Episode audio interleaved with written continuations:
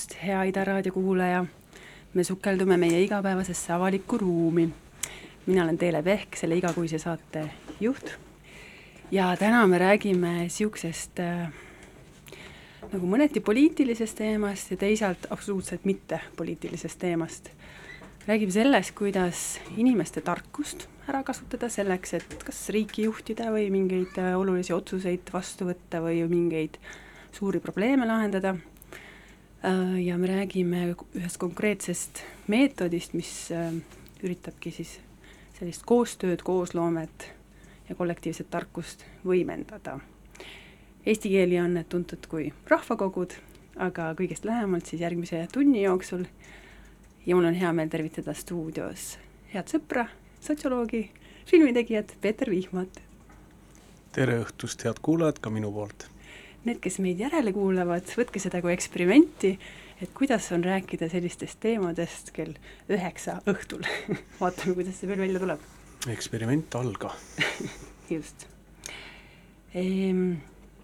Peeter, kas sa tahaksid ise defineerida, rahvakogusid peetakse inglise keeles siis citizen assemblies või niisugune deliberations äh, peetakse arutleva demokraatia nagu põhimeetodiks, et, et mis asi see arutlev demokraatia võrreldes esindusdemokraatiaga on, kuidas ta neid väidetavaid kriise ja hädasid kuidagi leevendab või parandab või kuidas sina ise defineerid? minu jaoks arutlev demokraatia ja esindusdemokraatia ei pruugigi olla teineteist välistavad, et ähm, arutlev demokraatia on lihtsalt võib-olla rõhutab mingeid muid aspekte, mida me oleme äh, demokraatia nagu ma-, masinavärgi või mehhanismi juures nagu harjunud äh, pidama oluliseks, et noh, ähm, meil siiski on, äh, sageli on keegi, kes meid esindab. ja arutleva demokraatia puhul võib-olla peetakse rohkem silmas seda, et ähm, ainult esindatusest ei piisa, vaid on vaja ka seda, et need ideed, mis selle esindatuse käigus tekivad, need arutatakse läbi ja leitakse sealt äh, parim lahendus. aga äh, ma võib-olla astuks selles mõttes sammu korraks veel nagu tagasi ja mõtleks ähm, ähm, sellele, et ähm, meil on vaja mingisuguses suures kollektiivis alati teha ühiseid otsuseid. Ja põhimõtteliselt selleks on kolm varianti meil on võimalik teha otsus, ähm, mis põhineb hierarhiatel. ehk siis, et ähm, meil on, me eeldame, et inimkäitumise peamine mõjutegur on võim ja keegi teeb otsuse ja lähtuvalt sellest, kuidas siis organisatsioon, ükskõik kas see on väike või väga suur, näiteks riik, on üles ehitatud, siis need otsused seal niimoodi liiguvad hierarhiat pidi alla ja ähm, tavaline avalik haldus töötab sellel printsiibil. ja nüüd alternatiiv sellele on, et me et hierarhiate asemel kasutame turumehhanisme.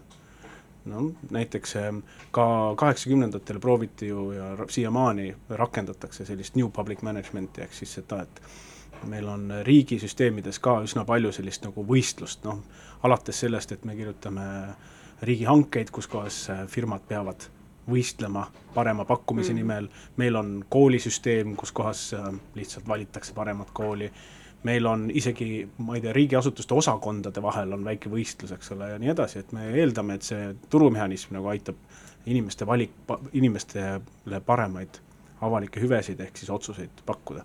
ja selle eelduse taustaks on siis see, et või selle mehhanismi taustaks on eeldus, et et kõige parem mehhanism, mis inimesi äh, motiveerib, on tasu.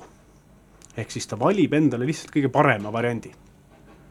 Aga on kolmas variant. või kõige odavama. või kõige odavama, kõige kergesti kättesaadavam, aga noh, põhimõtteliselt ta, ta soovib oma heaolu mm -hmm. maksimeerida mm. -hmm. Versus see, et teda peab sundima midagi tegema mm. -hmm. aga et on olemas nagu kolmas inimkäitumist suunav printsiip ja see on see, et kui me tahame, et inimesed käituksid mingil moel ja me tahame teha mingeid avalikke otsuseid, siis me peame lihtsalt läbi arutama. noh, me võime öelda, et inimest tuleb veenda näiteks, aga mehhanism, kuidas seda saavutada, on see, et me peame arutama. Ja nüüd ükskõik, mis tasandil seda vaadata, kui me vaatame, sina rääkisid äh, arutlevast demokraatiast, ehk see on siis selline, ütleme, mm, väga äh, selline mastaapne mõte või definitsioon, eks ole, et see tähendab nii sellist kultuurilist hoiakut kui ka institutsioonide korraldust, kui me vaatame kitsamalt seda, kuidas avalikke otsuseid tehakse, siis avalikku haldust, siis tänapäeval räägitakse kas siis võrgustike abil valitsemisest või koostöölisest valitsemisest, inglise keeles on collaborative governance.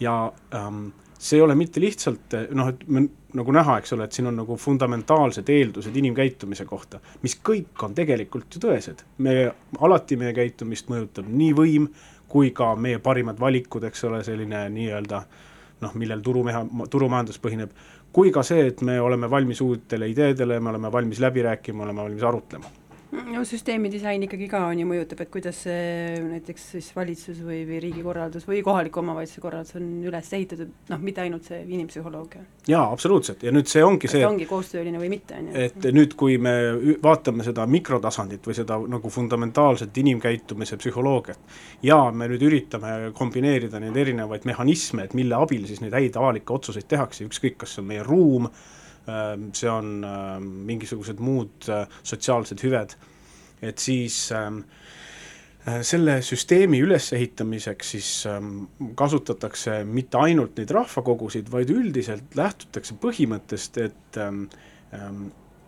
meil on vaja konsulteerida ja läbi rääkida väga suure hulga osapooltega. Need võivad olla Äh, organiseerimata inimesed, eks ole, noh, me võtame lihtsalt loosi teel või, või ükskõik mingi muu printsiibiga kutsume nad kokku. aga need võivad olla ka organiseerinud inimesed. igal juhul selle alus on see, et, et, et mis on tegelikult see probleem, mida me lahendame. ja see probleem on see, et mm, et esiteks me tahame, et otsused oleks legitiimsed. ehk siis me tahame, et inimesed oleks laias laastus nõus sellega, mis otsuseid tehakse ja väga palju erinevaid osapooli, sest et noh, ütleme jalgratturil ühel huvil, ühed huvid ja äh, autoga sõitjatel on teised huvid ähm,, looduskaitsjatel on metsa suhtes ühed ootused, puidutööstusel on teised ootused, kuidas neid omavahel ähm, ühildada mm. -hmm. ja teine asi, mis on võib-olla, ma arvan, et võib-olla veel fundamentaalsem, see on see, et ükski süsteem ei oma täielikku ülevaadet ühestki valdkonnast et noh, et kui me vaatame näiteks ehm, riigi juhtimist, siis küsimus ei ole mitte selles, et kas meil on piisavalt palju no ma ei tea, agente või, või töötajaid, vaid küsimus on võib-olla fundamentaalsem, meil ei ole äh, mitmekülgset vaatenurka, alati mingisugused asutused neil on oma asutuste kultuur, inimesed on piiratud ratsionaalsuste tingimustes, eks ole, töötavad, meil on omad raamid, kuidas me probleeme käsitleme ja nii edasi, meil on vaja vaatenurka mujalt ja sealt tulevad siis kas need tavalised inimesed, MTÜ-d, firmad, eks ole, tegelikult terve lai selline noh, põld või mm, -hmm. või hulk osalejaid, kelle käest me tahame infot saada. ja see tähendab, et see arutleva demokraatia või siis ütleme siis kollaboratiivse valitsemise äh, see nagu boonus ongi see, et meil on nii läbi arutatud ehk legitiimsed otsused, kui ka meil on võimalik sinna süsteemi tuua juurde infot, mida meil varem ei olnud mm. -hmm väga hea, sa juba läksidki nende, no eesti keeles ütleme siis rahvakogu, see on nagu kõigile mõiste, me kohe käsitleme ka neid näiteid, mis meil on siin Eestis juba olnud alates kahe tuhande kolmeteistkümnendast aastast ja Peeter, selle ma unustasin mainida, et Peetri ma kutsusin siin stuudiosse, kuna tema disainis ja viis läbi siis kõige viimase rahvakogu metsanduse teemal, aga sellest natukese aja pärast. sa tahtsid praegu midagi veel lisada? jaa, ma tahtsin tuua ühe näite. Ehm, et kui nüüd on kuulajate seas mõni skeptik, kes ütleb, et no jaa, aga võtame siis, me, see võib ka olla, kehtib siin lääne liberaalsetes või ükskõik missugustes demokraatiates, aga et võtame mõne süsteemi, keda ei huvita see kogu see ilus jutt sellest kaasamisest ja need on pehmed väärtused ja see ei ole eriti tähtis, siis mul on väga hea näide, et äh, ma osalen äh, seminaridel Cornelli ülikoolis ja seal on üks tudeng, üks doktorant, kes uurib keskkonna valitsemist Hiinas mm. -hmm. ja kui me nüüd mõtleme Hiina peale, noh, autoritaarne, noh, põhimõtteliselt totalitaarne režiim, neil oleks nagu justkui mingisugust vajadust, mingisugust kaasamist, mingisugust avatust rakendada, lihtsalt on viie aasta plaan ja nii tehakse. aga paar aastat tagasi Hiina valitsus esimest korda lubas MTÜ-del, jah, Hiinas on ka MTÜ-d kohtusse kaevata riigiasutusi selle eest, kui nad ähm, saastavad loodust. ja mida see näitab? see näitab seda, et isegi kui süsteem on just nagu ideoloogiliselt väga jäik, siis süsteemi enda loogika tõttu lihtsalt ei ole võimalik näha kõike, mis riigis toimub, see tähendab, et peavad olema autonoomsed osakesed, MTÜ-d, inimesed, kes panevad tähele midagi, mida riigisüsteem ei näe ja peab olema neile ka võimalus siis seda süsteemi kuidagi mõjutada.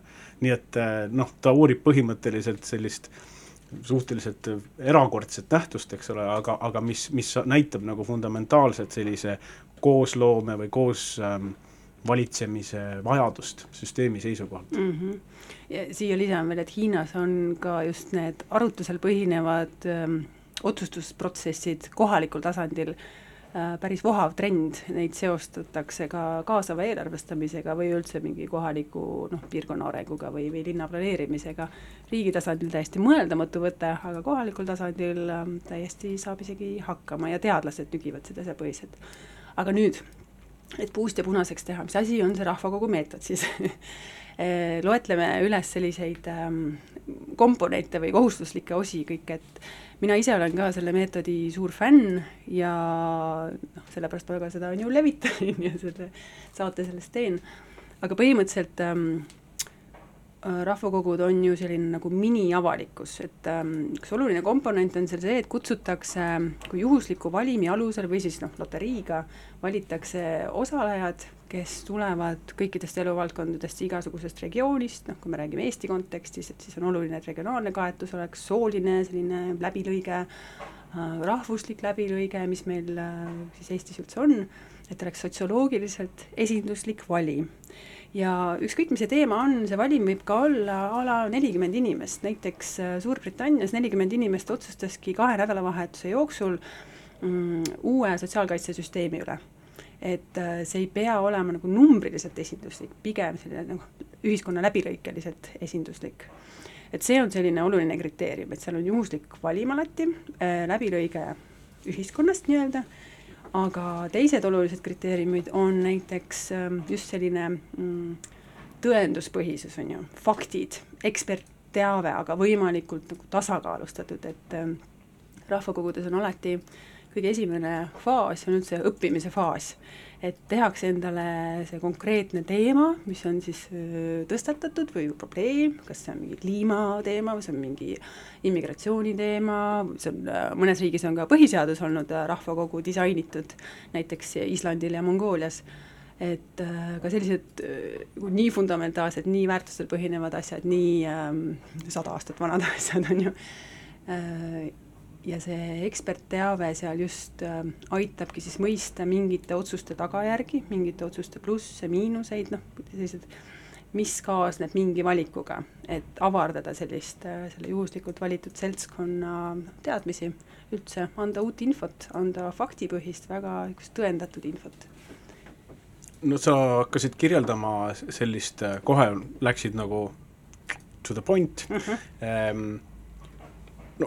Mitte, ma tahan lisada võib-olla ainult seda, et rahvakogu ei ole ainukene vahend, millega koosvalitsemist äh, rakendatakse.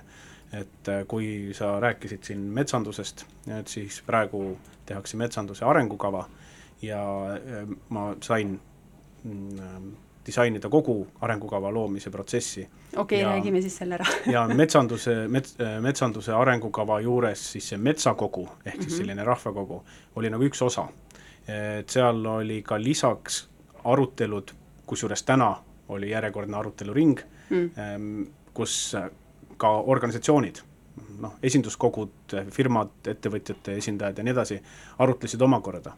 nii et nendest erinevatest komponentidest saab siis eh, tegelikult erinevat sisendit. ja no okei okay,, räägime rahvakogust. tõepoolest, et üks oluline asi on siis see, et me eeldame, et ähm, vaatamata sellele, et me saame ja noh, Eestis on seda ka juba tükk aega tehtud, et me võime küsida mõne seaduse või arengukava tegemisel, et äh, mida arvavad huvirühmad, noh, tavaliselt on need MTÜ-d, võib-olla me küsime mõne suurettevõtja käest, sageli küsitakse ka teadlaste käest, ehkki neid nagu otseselt huvirühmadeks ei peeta mm, -hmm. eksperdid.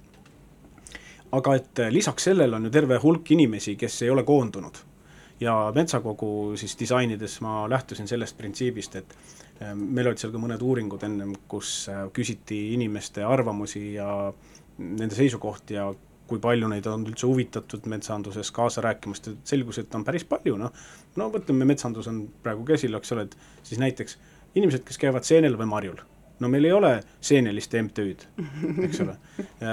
inimestel, kel on ähm, metsas maakodu, ka meil ei ole sellist MTÜ-d, mis esindaks neid. nii et me ja nii edasi, me lõpuks me saime kolmteist erinevat kategooriat, kes äh, mingil moel tahaksid äh, midagi äh, tõenäoliselt öelda või kellel on mingid huvid mängus. ja kuidas neid siis nüüd nagu kutsuda? sa rääkisid siin, et kas loositakse või võetakse näiteks lihtsalt kogu noh, nagu Ameerikas neid ähm, vandekohtusid mm -hmm. kutsutakse tänavalt lihtsalt esimesed viis inimest, palun väga. no ega põhimõtteliselt juhuslikult. juhuslikult, eks ole, jah. no me tegime sellise kombinatsiooni, et ähm, me palusime inimestel, kes on huvitatud sellest, ennast teada anda, oli koduleheküljel selline vorm, ja siis nendest loosisime. ehk siis, et me ei eeldanud, et kõik inimesed tahavad kaasa rääkida ja, ja me saime tõesti, me loosisime, see tekitas inimestes vastandlikke tundeid, et mis, et kas nüüd noh, et kus nüüd siis see tarkus kadunud on rahva seast, et me peame loosima. aga pigem ikkagi vastupidi, et me selliste rahvakogude abil me ju anname hääle inimestele, kellel seda tavaliselt ei oodata, kes ei saa kaasa rääkida. ja nüüd äh, sa rääkisid, hakkasid kohe edasi rääkima siis äh, sellest harimisest, õppimisest mm. -hmm no see on minu meelest selline kahe otsaga asi. et äh, nagu me kõik teame, teadmised on võim. see ongi see, mille pärast me tegelikult tahame kõrvalt vaatenurka, eks ole, me tahame mm, seda teada, mida me veel ei tea.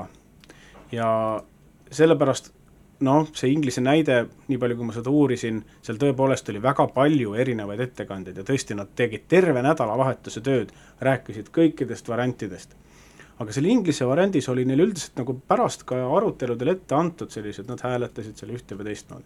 no meie lähenemine oli see, et inimesed tegelikult teavad rohkem, kui võib-olla meile tundub. aga oluline on see, et me saame nende käest selle kätte, et me inimesed ise aitame äh, selleni, et nad hakkavad arutama noh, oma põhiväärtuste, põhivajaduste üle, mitte lihtsalt ei tulista seda, mis äh, parasjagu meedia räägib või mis on mm. populaarne või niimoodi. mis varrukas tuleb. no just, sest et ähm, äh, selline arutelude läbiviimise kunst on tegelikult üsna keeruline. ja nüüd, kuna ma olen päris palju teaduskirjandust lugenud selle juures, siis ma arvan, kõige olulisem selle juures on äh, moderaator.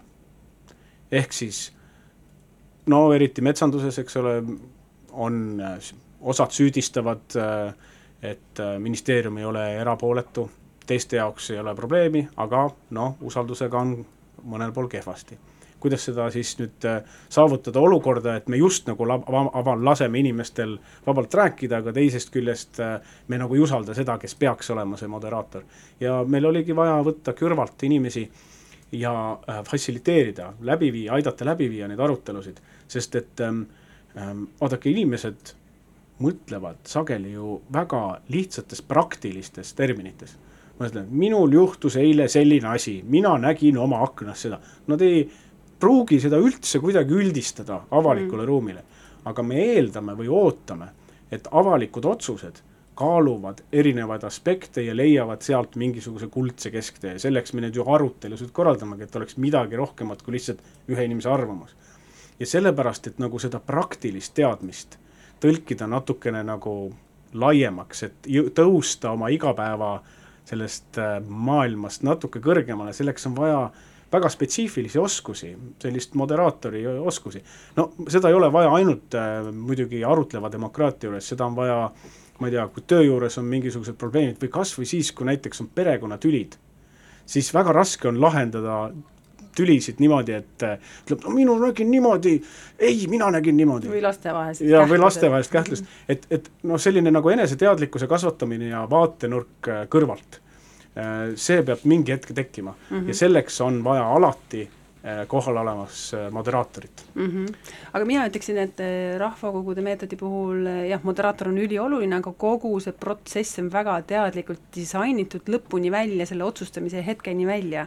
et, et see ongi selle võlu. et tavaliselt meil mingid ma ei tea, arengukavade või seaduste kooskõlastamised lähevad, jooksevad liiva väga tihti sellepärast, et seda protsessi ei planeerita lõpuni, ei nähta ette nagu seda, et okei okay,, kui see asi lõpuks valmis saab, siis noh, tegelikult elu alles algab, on ju, et, et siis see tööl alles läheb käima ja kuidas see siis juhib seda arengut ja kõike. et rahvakogu selles mõttes aitab nagu äh, läbi teadmiste, läbi õppimise, läbi arutluse ja siis ka selle otsustuse, mis on ka omaette disainitud protsess kõigil on võrdsed hääled ja, ja igaüks saab seal pärast neid suuri arutelusid siis nagu selle oma otsuse langetada, aga igaüks ikkagi individuaalselt millest siis tekib see kollektiivne on ju otsus, et kas me nüüd äh, võtame sihiks äh,, mis seal metsakogu puhul oli äh,, metsanduse ressursside, ma ei tea, tõstmise või langetamise või noh, et mis need nagu suured otsused on ju on. vot, aga jätkame sellest kõigest, hoiame pinget üleval, on ju, ja jätkame pärast lühikest muusikapala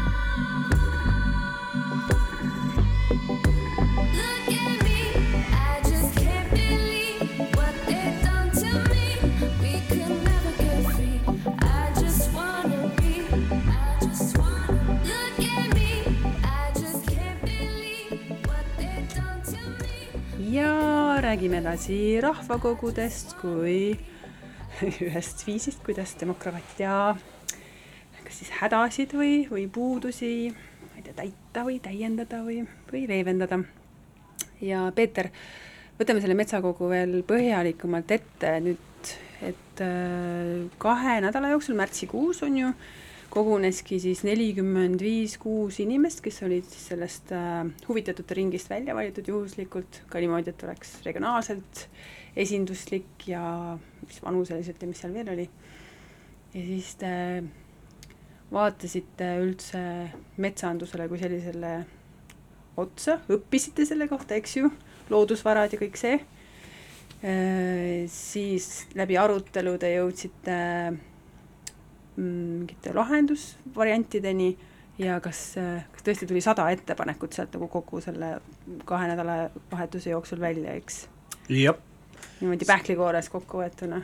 see metsakogu asetus ju tegelikult kogu arengukava koostamise protsessi, nii et ähm, mina tegelikult ähm, astusin sinna paati, kui paat oli juba sadamast lahkunud see tähendab, et eelmise aasta lõpus ähm, ministeeriumi algatusel keskkonnaministeeriumi keskkonnaministeeriumi algatusel ähm, uue arengukava loomise jaoks sõnastati koos huvirühmadega, et mis on metsas valesti mm. -hmm. sõnastati sada üks probleemi.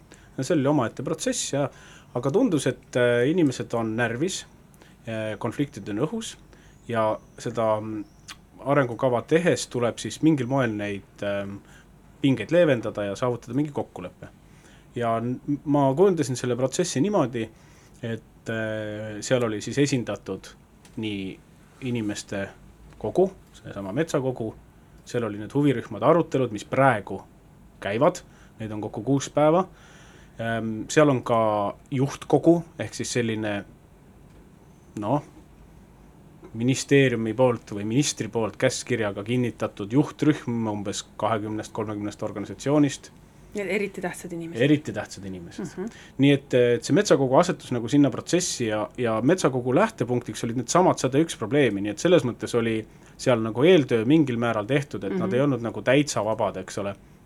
aga teisest küljest mm, need probleemid andsid teemapüstitused ja me ei eeldanud, et need on samad probleemid, mis inimestel, kes tulevad sinna metsakogule. lõppude lõpuks me tahtsime ju neid selleks sinna, et nad sõnastaksid enda probleemid ise seega olid mingisugused teemad, noh näiteks metsanduse institutsionaalne korraldamine või mets ja kultuuriväärtused, mets ja ökoloogilised väärtused ja nii edasi, nii edasi, mida inimesed arutasid äh, nende siis nelja päeva jooksul, mis nad seal olid, ja okei okay,, ja see algas tõesti sellega, et olid äh, mõned loengud.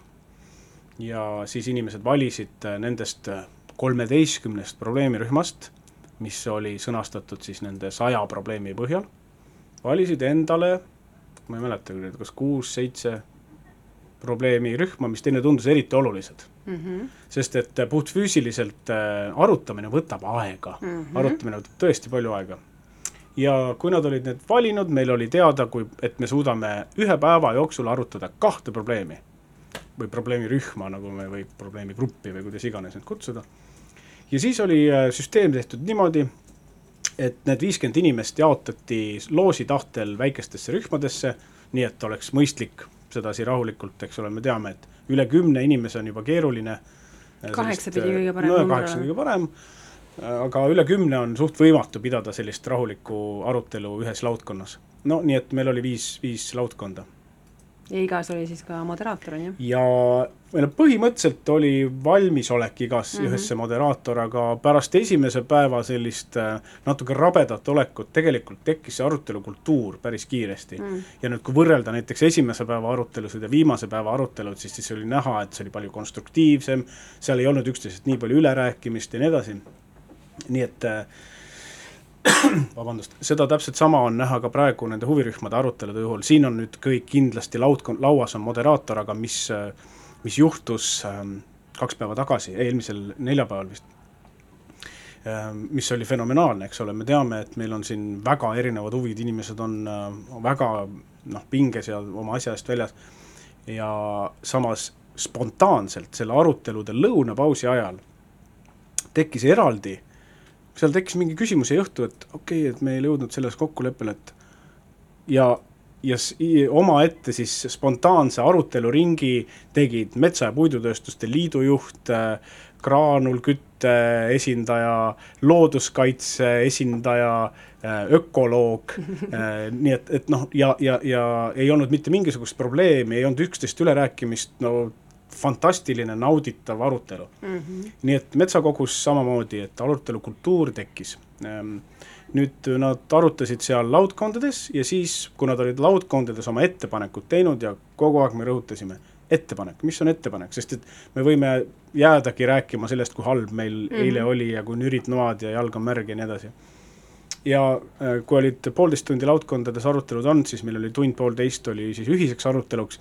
kus meie eesmärk oli jõuda võimalikult suure ühisosani, aga lõpuks me ikkagi hääletasime.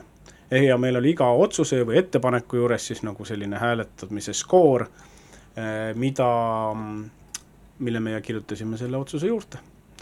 ja nüüd kõik need ettepanekud ja neid tõesti oli palju Te siis põhimõtteliselt prioriseerisite me prioritiseerisime just mm -hmm. ja oli näha, et näete, et nüüd see sai sellise suure ühisosa mm, -hmm. aga siin on jagatud arvamused, noh mm -hmm. Eks need olid muidugi ka ootuspärased teemad, aga, aga et mingisugune selline indikaator oleks nendel juures, sest et kõik need ettepanekud läksid ju järgmisse ringi. nii-öelda me käsitlesime seda metsakogu kui äh, inimeste hääletoru, kellel muidu häält ei ole mm. -hmm. selles mõttes noh, nüüd kui sina oled rääkinud siin äh, sellistest äh, väga fundamentaalsetest protsessidest, kus näiteks rahvakogu disainibki mõne seaduse või arengukava, siis või see oli, või põhiseaduse, eks ole, et siis see oli, ütleme siis äh, mingis mõttes nagu lahjendatud versioon mm, -hmm. aga teisest küljest, mis, mille üle ma olen päris uhke, et ähm, edasi metsakogust ei läinud mitte ainult ideed vaid edasi läksid ka inimesed, ehk siis metsakogu valis endale esindajad, kes nüüd osalesid siis huvirühmade aruteludel. Need oli niimoodi, et me valisime kaks esindajat ja kaks varuliiget, varumeest, varunaist. Et juhul, kui esimesed haigeks jäävad või midagi mm. -hmm. ja nemad osalesid siis järgmises raundis täieõiguslike esindajatena. arut-, see, nende valimine oli väga meeldiv, neid oli siin, nad eh, kõik pidasid väikse kõne äh, kõik rääkisid... jooksid tormi nendele kohtadele, jah? noh, meil oli, ütleme, kas kaheksa kandidaat või kuus kandidaati ja neli valiti mm. -hmm. noh, nii et väga hull ei olnud, aga, aga ikkagi jah, mingi väike konkurents. ja see oli väga sümpaatne, kuidas inimesed rääkisid, et jah, et ma tulin siia ja see on võib-olla vastus sinu küsimusele, et mida need inimesed ise õppisid ja kuidas mm -hmm. pinged leevenesid mm. -hmm. ja inimesed ütlesid, et ma tulin siia, mul oli kindel arvamus, et metsakaitsjad on lollakad või töösturid on lollakad, aga ma kuulsin nende seisukohti ja nüüd ma saan aru nendest. nii et, et eh, vähemalt nende kõnede järgi võib öelda, et tõepoolest toimus õppimine, toimus eh, vastandlike arusaamadest eh, arusaamine no just, metsanduse teema ongi hästi nagu ärevile ajanud inimesi, et noh, üldse looduse ja planeedi seis on ju, et, et metsandus sealhulgas. et seda ma jah, tahtsingi küsida, et kas sellise Ehm, teema puhul, kus see usaldus on nagu suht õrn, on ju, ja siis protsessiga, mida tegelikult tellib ministeerium, mis on Eestis harukordne, et üldse see rahvakogu formaat on nagu ministeeriumi sellises pikaajalises protsessis, arengukava koostamises siis üks oluline osa, et just neid äh,, tabada neid inimesi, kes tavaliselt nendes protsessides ei ole, et noh, ei ole need tavapärased huvirühmad ja, ja töösturid ja kõik muud. Et äh, sa juba tegelikult vastasid, et see arutelukultuur on ju, kandus edasi nendesse järgmistesse kohtumistesse ja ma lugesin ka kokkuvõtet, äh, nende, alati tehakse ju küsitlus ka pärast osalejate seas. ja veel eriti korrektne on teha enne küsitlus Äh, et mida te arvate sellest teemast, on ju, et noh, et metsanduse osas teie vaated ja arvamused ja teadmised ja siis pärast seda rahvakogu protsessi nagu korrata täpselt samu küsimusi ja siis sotsioloogidel on hirm huvitav vaadata seda, vau, kuidas see teadmine kõik muutus kardinaalselt, aga teie tegite Metsakogus ainult selle lõppküsitluse, et kuidas te jäite rahule ja kas teie nagu seisukohad muutusid ja kõik, ja sealt tuli hästi välja, noh, Pioneeri portaalis on näiteks lühike kokkuvõte, et äh, peaaegu kõik osalejad jäid väga rahule just sellega, et, et jaa, et hästi austusväärne nagu aruteluõhkkond oli ja väga hea, me peamegi rohkem üksteist kuulama, arutama, et selline arusaam sellest, et arutamine ja aja võtmine on väärtuslik. et tegelikult vahet ei ole, mis see tulemus lõpuks seal on, on ju, aga et see arusaam on juba ka tohutu võit ju.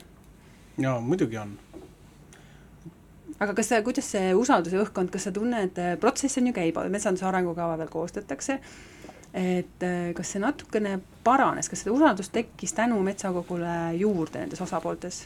no ma ütleks, et nende kahe näite põhjal, et ähm, esiteks oli siis see metsakogu, tavainimeste nii-öelda lakmuspaber, ja teiseks oli siis nende huvirühmade puhul see spontaanne arutelu ja, ja selline kultuuri kasv, et nende puhul ma võiks öelda, et jah, sellel on juba mõju, juba ainuüksi sellest protsessist.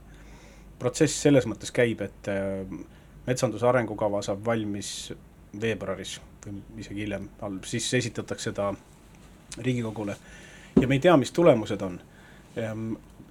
noh, selle eesmärk on ju see, et me saaksime sinna arengukavasse paljude inimeste arvamuste sellise ekstrakti. me üritame saavutada mitte kompromissi, vaid konsensust ja seal on nagu väike vahe. Kui kompromiss on lihtsalt tehniliste lahenduste vahel sellise noh, enam-vähem kõigile sobiva lahenduse leidmine, siis konsensus on selline, mis põhineb põhiliste või selliste baasuskumuste, baasväärtuste põhjal tehtud nagu üldistuse puhul või üldistuse alusel tehtud otsustel.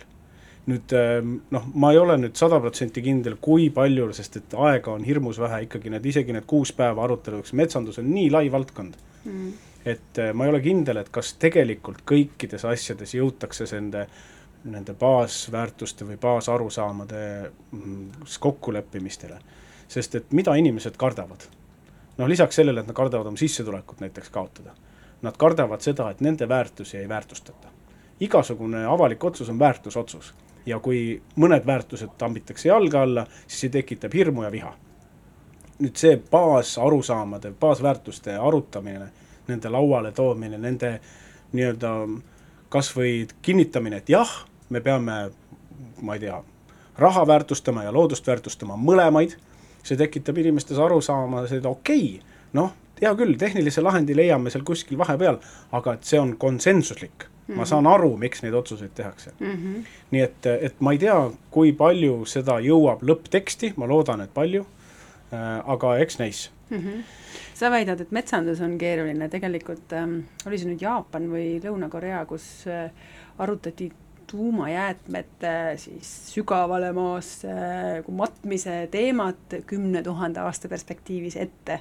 Ja seal isegi suudeti nagu jõuda lahenduse või noh, et, et nagu inimesed hoomasid seda, seda ajajärku ja hoomasid seda teemat. Ja tuumajäätmetega üldse või tuumaenergiaga on väga palju rahvakogusid toimunud äh, Austraalias näiteks. Ja et, et kas, kas nagu üldse äh, mingi reaktor lõpuni ehitada näiteks, mis on pooleli jäänud või just, et kuhu need, kuidas neid matta, neid jäätmeid ja kõike seda. et, et nagu väga-väga keeruliste teemadega ongi rahvakogu selles mõttes hea, et noh, sa võtad ähm, inimesi erinevatelt elualadelt, mina ei taha öelda tavainimene, sest seda pole olemas minu arust. Äh, erineva haridustasemega, erineva sissetulekutasemega, erineva rahvusliku taustaga, mida kõike veel, ja noh, tegelikult kõik on võrdsed, igalühel on võrdne hääl, igalühel on võrdne see ka, et kui palju ta üldse sisse võtab või kui palju ta õpib, on ju, et noh, muidugi see sõltub palju inimesest endast, aga põhimõtteliselt selline võrdsus ja ka siis argumenteeritus, et kui pärast seda õppimist sa oled seal äh, arutelude keskel, siis ka see oskus nagu argumenteerida või oma seisukohti, mingeid varasemaid tõekspidamisi põhjendada või ka seda, et noh, et miks see, miks see arvamus nüüd seal äh, muutus või, või kuidas see mõtlemine avardus. et need, äh, et noh, selles mõttes rahvakogusid saabki kasutada ka hästi Äh, kas mingite teemade prioriseerimiseks, et äh, meil on mingi nimekiri, nagu sa ütlesid, et sada probleemi oli ja nüüd sellest me peame siit hakkama lahendusi äh, koostama. saab ka üldse nagu informeeritud sellise otsustamise jaoks, saab ka, et teada sellist nagu selle mini-avalikkuse nagu meelestatust või, või, või selliseid arvamusi või üldse nagu sisendit mingitesse suurematesse protsessidesse, aga saab ka narratiivi loomeks, nagu Tansaanias näiteks tehti üldse niisugune rahvuslik identiteet ja kõik no vot, siin on nüüd nagu see, et mina olen sotsioloog ja ma küsin inimeste arvamust äh, söögi alla ja söögi peale. noh, seda sotsioloogid sageli arvatakse, et need, seda nad teevadki. Mhm. noh, et me üritame küsida, mis te arvate? Ja või siis no või mõnikord me üritame aru saada, mis te mõtlete, see on nagu väga sügavam tasand. ja siis me võime teha küsitluse, vaadatakse, et me küsime midagi muud ja teeme sealt järelduse, ahhaa, vot nii, tegelikult arvatakse niimoodi. see on nagu, hüüame nagu erinevale sellisele reaalsuse või, või erinevale nagu rahvameelsuse või mõtleviisile pihta saada. aga mis minu jaoks on arutelude jaoks, on erineva, on see arutamise protsess ise. see tähendab, et me tegelikult üritame sealt saada midagi rohkemat kui lihtsalt arvamust. ja ma rääkisin siin enne moderaatori olulisusest et see on minu meelest ähm, võib-olla, või noh, mitte ainult minu meelest, vaid ma olen lugenud palju kirjandust, kus on siis võrreldud neid erinevaid äh, kollaboratiivse poliitika kujundamise ähm, juhtumeid ja vaadatud, et mis siis mõjutab seda, et mis selle rahuldava tulemuseni viib. ja seal on siis ähm, mõned asjad, millest me oleme siin juba rääkinud, ehk siis oma põhiuskumuste arutamine mm, -hmm. moderaatori olemasolu ja reeglid mm, -hmm. reeglid peavad olema ka paigas, et selles mõttes, et ähm, kui me nüüd võrdleme siin ähm, sellega, mida praegu väga popiks peetakse, muuhulgas ka Eestis, mis on digikaasamine, siis äh, ma ütleks, et äh, me ju kõik näeme, mis on äh, digikaasamise ohud. minge vaadake ükskõik missugust Delfi kommentaariumit või Facebooki lehte, seal ei ole arutelu see on väga keeruline äh, saavutada seal hea arutelu. inimesed, kes on äh, silmast silma kohtunud ja kellel kõigepealt noh, see moderaator seab mingid reeglid, äh, kuidas arutada, näiteks üks reegel on see, et kui te esitate väite, siis te peate seda argumenteerima mm, -hmm. eks ole, noh, me vaatame siin Facebooki arutlusid, mõned peavad seda reeglit, mõned ei pea selleks miskit. siin on väike reklaamipaus, kuulake minu, kas oli eelmine, üle-eelmine saade Martin Noorkõivuga, me rääkisime digivärgist ja sotsiaalmeediast ja arutluskultuurist seal. et ärme sellesse praegu rah-, lah-, ra-, lasku äh,, käime korraks kiirelt üle, et mis meil Eestis üldse on toimunud, et Metsakogu on kõige värskem, on ju märtsis kaks tuhat üheksateist leidis aset ja osana siis suuremast arengukava koostamise protsessist. Siis ka umbes samal ajal lõppes selline pool aastat väldanud äh, üle Eesti toimunud arutelude sari, kuidas me kestame, äh, rahvastikuprobleemiga seotud üldse äh, migratsiooniprobleemiga, aga ka tööhõive ja, ja perepoliitikaga seotud teemat käsitleti ka väga struktureeritult ja disainitult läbi ja põhimõtteliselt ta nagu järgis vägagi rahvakogu põhimõtteid, ehk võib pidada rahvakogu laadseks protsessiks. Siis kaks tuhat seitseteist ähm, oli pensionisüsteemi uuendamisega seotud või sellest ajendatud ähm, uue eakuse rahvakogu, mida ma juhtusin ise disainima. Ja, ja sealt tulid palju, üle kahekümne ettepaneku, seda protsessi ei hakka kirjeldama, äh, kahekümne ettepaneku alates, ma ei tea, eakatele mõe-, kohandatud kortermajadest kuni äh, hoolduskoormuse vähendamiseni välja, noh, seinast seina või selles mõttes nagu kattis kogu elu ja, ja, ja finantskindlustuseni ka igasuguseid ettepanekuid, neist mõned on endiselt veel Rahvaalgatus veebis, saate oma toetusallkirja anda, et, et äh, Riigikokku need edastada. ja kõige esimene oli äh, üldse kahe tuhande kolmeteistkümnendal aastal äh, siis suure tähega Rahvakogu mis, kui mäletate, Silvergate'i ja, ja Reformierakonna anonüümsete annetuste skandaali ja kõike seda, siis sellest, sellest nagu sündis või selle kaudu vormus kõigepealt jääkeldri protsess ja, ja siis äh, rahvakogu, mis oligi paarikuune, hästi intensiivne, disainitud ähm, nagu ettepanekute väljatöötamise formaat aga ka arutelu, sinna kutsuti ju juhusliku valimiga, siis üheks arutelupäevaks kutsuti kokku viissada inimest, tuli natuke üle kolmesaja lauluväljakule kohale ja käsitleti läbi siis äh, neid teemasid ettepanekuid, mida juba varem olid äh, nii eksperdid kui ka siis äh, siis avalikus ideekorjes kokku kogutud ähm, eri inimestelt tulnud ettepanekud ja, ja siin ma tahan enne muusikalist vahe, vahepala, ma tahan klaarida ühe vana asja, et, et sellest kaks tuhat kolmteist rahvakoguga arvatakse, et, et ma nagu märkan nii palju sellist, et ah, see ju ei muutunud midagi, ah, seal ei olnud ju mingeid tulemusi ja kõike. minge punkt, rahvakogu.ee lehele, seal on loetelu otsestest tulemustest, kaudsetest tulemustest. otsesed näiteks olid, et meil tekkis üldse rahvaalgatusõigus ehk kollektiivsed pöördumised Riigikogule, varem ei olnud sellist õigust olemas. tuhande allkirjaga peab Riigikogu menetlema ettepanekut või, või seaduseelnõud või, või mida iganes sealt alandati erakondade loomiseks nõutud nagu künniseid, nii rahalist kui ka liikmeskonda puudutavat.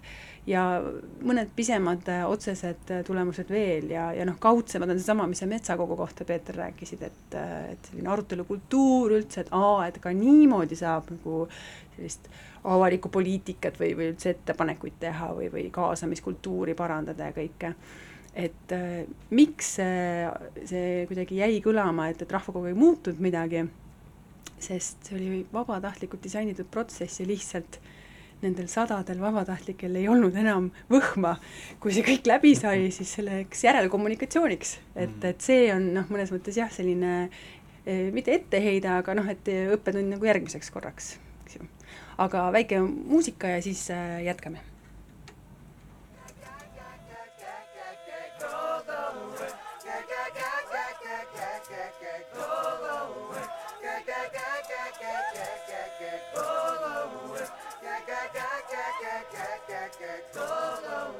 just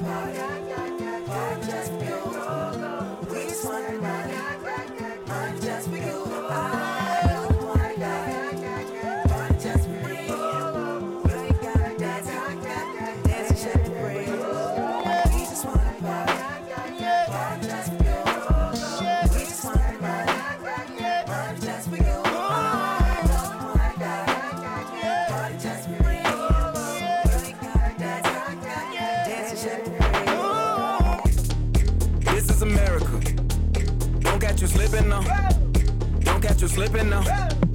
Look what I'm whipping now. This is America. Don't catch you slipping now. Don't catch you slipping now. Look what I'm whipping now. This is America. Don't catch you slipping now. Look how I'm living now. Police be tripping now. Yeah, this is America. Guns in my area. My area. I got the strap. I gotta carry 'em. Yeah, yeah, I'ma go into this.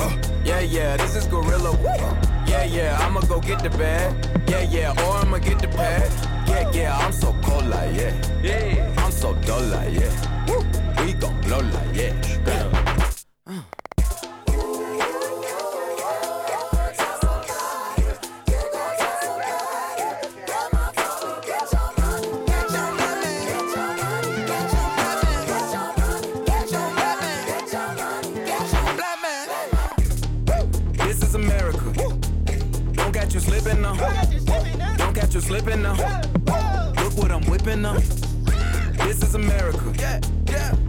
Slipping now.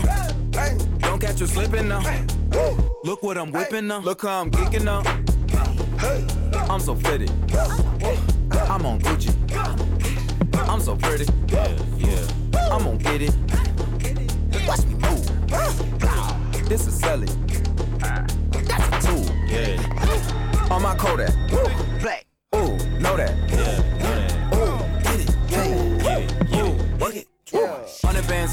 Hundred bands. Contraband, contraband, contraband. contraband. I got the plug on who a hawker. Whoa. They gonna find you like Baka. Blow. America. I just checked my follow and listen. You motherfuckers owe me. no nii, me ei raiska aega muusika, sest meil on nii palju veel rääkida ja Peeter nüüd ütles, et me võiks ka vaielda natukene. et äh, vaidleme siis äh,, mina tahan veel natukene tuua välismaalt neid näiteid, et kuidas rahvakogud võtavad vaikselt üle nii-öelda.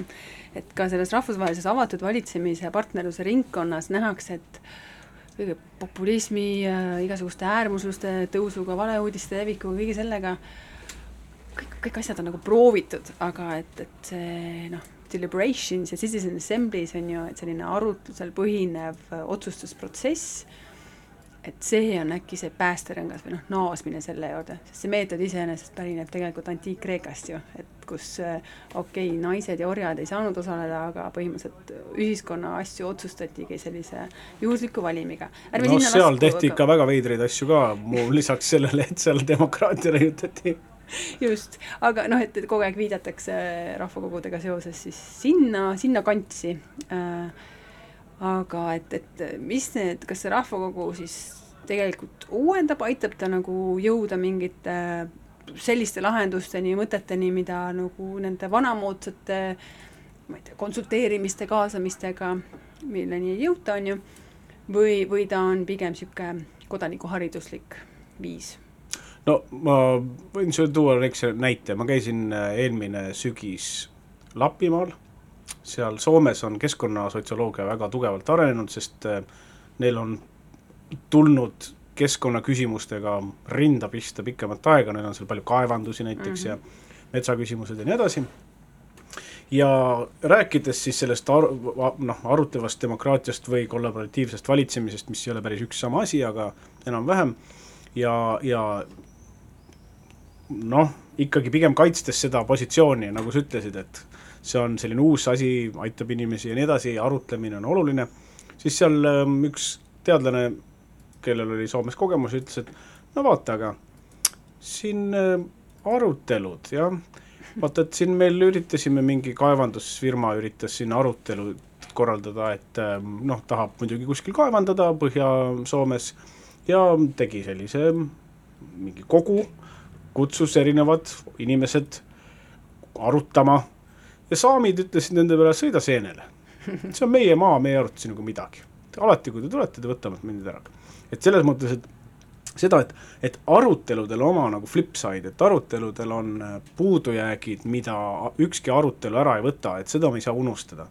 et äh, noh siin demokraatia teoreetikud Laclau ja Muhv, eks ole, on rääkinud sellest, et ähm, kui me võtame sellise seisukoha, et me peame kõik olema sellised ratsionaalsed ja nutikad inimesed ja me lähtume sellisest habermasliku arutelu demokraatia põhimõtetest, kus äh, me kuulame, argumenteerime tsiviliseeritult ja siis see, mis tuleb, see ongi see mm, -hmm. siis tee, mida me teeme, esiteks ähm, inimeste jaoks, kellele tundub, et ah, nii ongi või ja nüüd ongi, et leidsite parima lahenduse ja that's it. me võõrandame need otsused nendest ja teiseks ähm, inimesed ei ole masinad, inimesed ei ole ratsionaalsed masinad, et selles mõttes, et selline emotsioonidel, nagu me näeme tänapäeval, on väga suur roll. ja sellepärast ähm, siin on ähm, minu meelest on oluline silmas pidada või meeles pidada, et äh, arutelu peab jätkuma see ei ole mitte lihtsalt, et me ükskord otsustame ära, kutsume bunch of inimesi kokku ja teeme nüüd nii, et nüüd on nii ongi mm. -hmm. ja, ja vaid, et ähm, me ei, et on ohtlik jätta muljet, et me nüüd otsustasime ära ja nüüd nii ongi. sest et see tekitab kohe pinget, ahah, minuga ei arvestata, okei okay,, kui ma tahan tulla kaasa rääkima, hea küll, kuu aja pärast, poole aasta pärast, aasta pärast on mul võimalus, et noh, see ei peaks olema nii abstraktselt kaugel ehk siis, et äh, see natukene leevendab tõesti või vähemalt teoorias leevendab seda arut- või esindusdemokraatia pinget, et me saame otsustada ainult iga nelja aasta tagant mm. -hmm. siis, kui me valimas käime käia. aga mis sa ütlesid selle innovatsiooni kohta? noh, ma, üritame vaielda. tahaks ise ka rääkida. no ma küsin su käest ahaa, sa küsid. ma küsin su käest. Äh, kas sa arvad, et kui kutsuda tavainimesi kokku, noh, mul oli juhus selline mm, -hmm. ma käisin Tallinna linnaplaneerimise ametis ja seal äh, küsi-, rääkisin sellest äh, arutavast demokraatiast niimoodi ja siis selle juht ütles, et kuule, meil on siin äh, kakskümmend diplomeeritud linnaplaneerijat. et mis sa arvad, et sa kutsud mingisugused kakskümmend inimest tänavalt kokku ja siis nad hakkavad sulle mingit kuldmure munema või? et palun teile, vasta sellele kriitikale mis asja, kas tõesti jaa, aga sa ei kutsu ainult kahtekümmend inimest no, kokku, vaid sa kutsud ka need eksperdid või need sellise objektiivse tõenduspõhise info edastajad. no okei okay., aga kus aga miks sa neid üldse, need inimesed tänavalt kutsud siis? mina tegin sama soovituse, et tehke Rahvakogu Tallinna strateegiabüroole, kes no, okay. üritab praegu strateegiat no, koostada ja sinna omanike aga... ringi suurendada, et noh, et see Rahvakogu oleks ideaalne, ma toon kohe ühe näite äh,, ideaalne selles mõttes, et äh, kui on vaja nagu poliitik, poliitilise tahte, tahet sinna tekitada, näiteks selle mingi protsessi külge, või nagu näidata, et, et aa, nii-öelda rahvas otsustas nii ja nüüd teie peate selle ellu viima. sest rahvakogude oluline element on ka see, et seal peab alati olema see nii-öelda vastuvõtja, on ju. Need öö, otsused, need soovitused, need mingid lahenduse ettepanekud, mis koostatakse, need peavad kuhugi edasi kanaliseeruma. et ilma ei ole väga mõtet. okei okay,, aga ikkagi, kust oota, tuleb oota, see aga nüüd see Ulaanbaataris, Mongoolia pealinnas, mis on Eesti rahvastiku suurune linn, aina kasvab, tohutud äh, liiklusprobleemid ja mida kõike muud, ebavõrdsus äh,, seal tehti seda rahvakogu meetodit, kasutati siis nagu kaasava eelarve osana. ehk neil oli nimekiri linna investeeringutest et mida kõike oleks vaja teha, prioriteedid nii-öelda. ja siis selle rahvakogu kaudu äh, nagu valiti need kõige tähtsamad asjad. poliitikud enne seda protsessi arvasid raudkindlalt, oi, kõik hääletavad selle metroo poolt, sellepärast et noh, et tänavad on umbes autodest, on ju, siis me teeme metroo, see on lahendus. tohutult kallis investeering tegelikult. Mida tegelikult need kas see oli nüüd sada või mingi saja ringis äkki inimest, sealhulgas vanglast äh, äsja vabanenud inimene noh, juhuslik valim valib, on ju, juhuslikult. Äh, mida nad tegelikult arvasid, et on kõige tähtsam kohe teha, on koolidesse küte ja õhupuhastid. et äh, ja, ja nii läkski, sinna need rahad suunatigi. et selles mõttes äh, ma arvan, meil on raske vaielda omavahel, sest me oleme nagu suht sellised veendunud arutleva demokraatia pooldajad.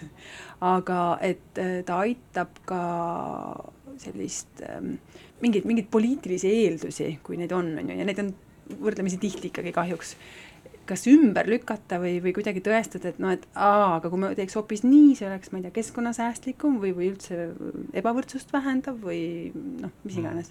ja no ma, kui sa ütled, ma olen loomulikult, ma näen äh, arutlevas demokraatias või koosvalitsemises väga palju plusspooli, aga samamoodi ma näen kõikides nendes kui me siin saadet alustasime, nendes muudes variantides ehk hierarhiates ja turgudes täpselt samamoodi.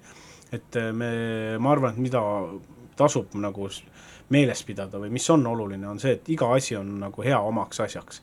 ja kui me nüüd eeldame, et, et kas näiteks üldse meil ei ole nüüd enam võimu vaja, siis see on ekslik, aga samamoodi kui me ütleme, et meil ei ole üldse enam arutelu vaja, shut up ja carry on, eks ole, siis see on ka ekslik mm.. aga ma nagu ei tahaks nagu selles mõttes noh, võib-olla natukene siiski meil on erinevusi ka, et, et ähm, ähm, ma ei tahaks nüüd nagu öelda, et kõik, mis rahvakogust tuleb, on kuld. et see noh, me siin muusikalise pausi ajal rääkisime ja sa ise väitsid, et, et kõik oleneb äh, protsessi headusest. ma ütleks, et lisaks sinna, et kõik oleneb inimeste headusest. sest et äh, lõpuks on ju see, et kui küsime, et kes otsustab, me võime teha suurepärase protsessi disainida. no aga kui inimesed tahavad midagi, vot siis nii on eks ole, nii et selles mõttes me ei saa nagu öelda, et kui me, me teeme arutleva demokraatia ja meil on väga hästi nüansseeritult välja mõeldud äh, mehhanismid, et siis me automaatselt saame selle kaudu panna nagu hakklijamasinast neid äh, suurepäraseid kotletikesi. et noh, ikkagi on meil alati on see, et meil on erinevad inimesed, kes erinevad aegadel tahavad erinevaid asju ja sellepärast ähm, me noh, see arutlev demokraatia on ju teatud mõttes nagu võimu äraandmine, sa rääkisid siin Hollandi näitest, eks ole. Või Belgia, Belgia näitest jah, eh, noh. Belgias on... saksakeelne regioon, seal on nagu regioonide parlamendid, et seal pannakse siis süg-, sügisest alates tehakse nagu alaline rahvakogu ehk eh, jah, moodustataksegi kaheksateistkümneks kuuks juhuslikust seltskonnast niisugune äh, senat nii-öelda ja mm., ja lisaks tehakse neid arutelupäevi siis ka juhuslike elanikega, aga et need teemad tulevad siis nagu kodanikelt endilt. See on jube hea näide kohalikul tasandil ja noh, Gdanskis Poolas korraldatakse ka neid juba niimoodi regulaarselt. ja kui sa siin mingi hetk saate jooksul kasutasid sellist sõna nagu miniavalikkus, et ähm, neid miniavalikkusi on tegelikult teisi, et no mm -hmm. me eeldame, et näiteks ma ei tea, Telliskivi selts, MTÜ-d, tööstuste liidud Äh, nii edasi, sellised kodanikualgatused, et need kõik on tegelikult ju väiksed avalikkused, kus arutatakse mingisuguseid teemasid läbi ja siis need kerkivad niimoodi ülespoole. et kui me nüüd mõtleme, mida see ähm, arutleva demokraatia need need trikid, mida me siin oleme lahanud ja näiteid toonud, mida nad annavad, nad annavad juurde sellele. et me kindlasti ei peaks loobuma nendest vanadest viisidest, vaid et me lihtsalt peaksime kallistama neid uusi viise võtma need äh, oma tööriistakasti mm. -hmm. et need on kindlasti viisid, mis teravikus kasvavad. ja Suurbritannias arutatakse praegu äh, üldse, et, et kliimamuutustega võiks ka ühe hästi suure rahvakogu korraldada, sellepärast et noh, et räägitud on pikalt ja kaua, aga nagu nii-öelda õigesti räägitud ei ole peaaegu üldse, et just siis nagu disainitud protsessi kaudu. et äh, selle jätame siis viimaseks mõtteteraks, loodame, et see teostub mitte ainult Suurbritannias, vaid ka meil endis, siin Eestis ja kui teil on rohkem huvi, vaadake rahvakogu.ee. loodame, et inspireerisime teid. ja olge terved. olge terved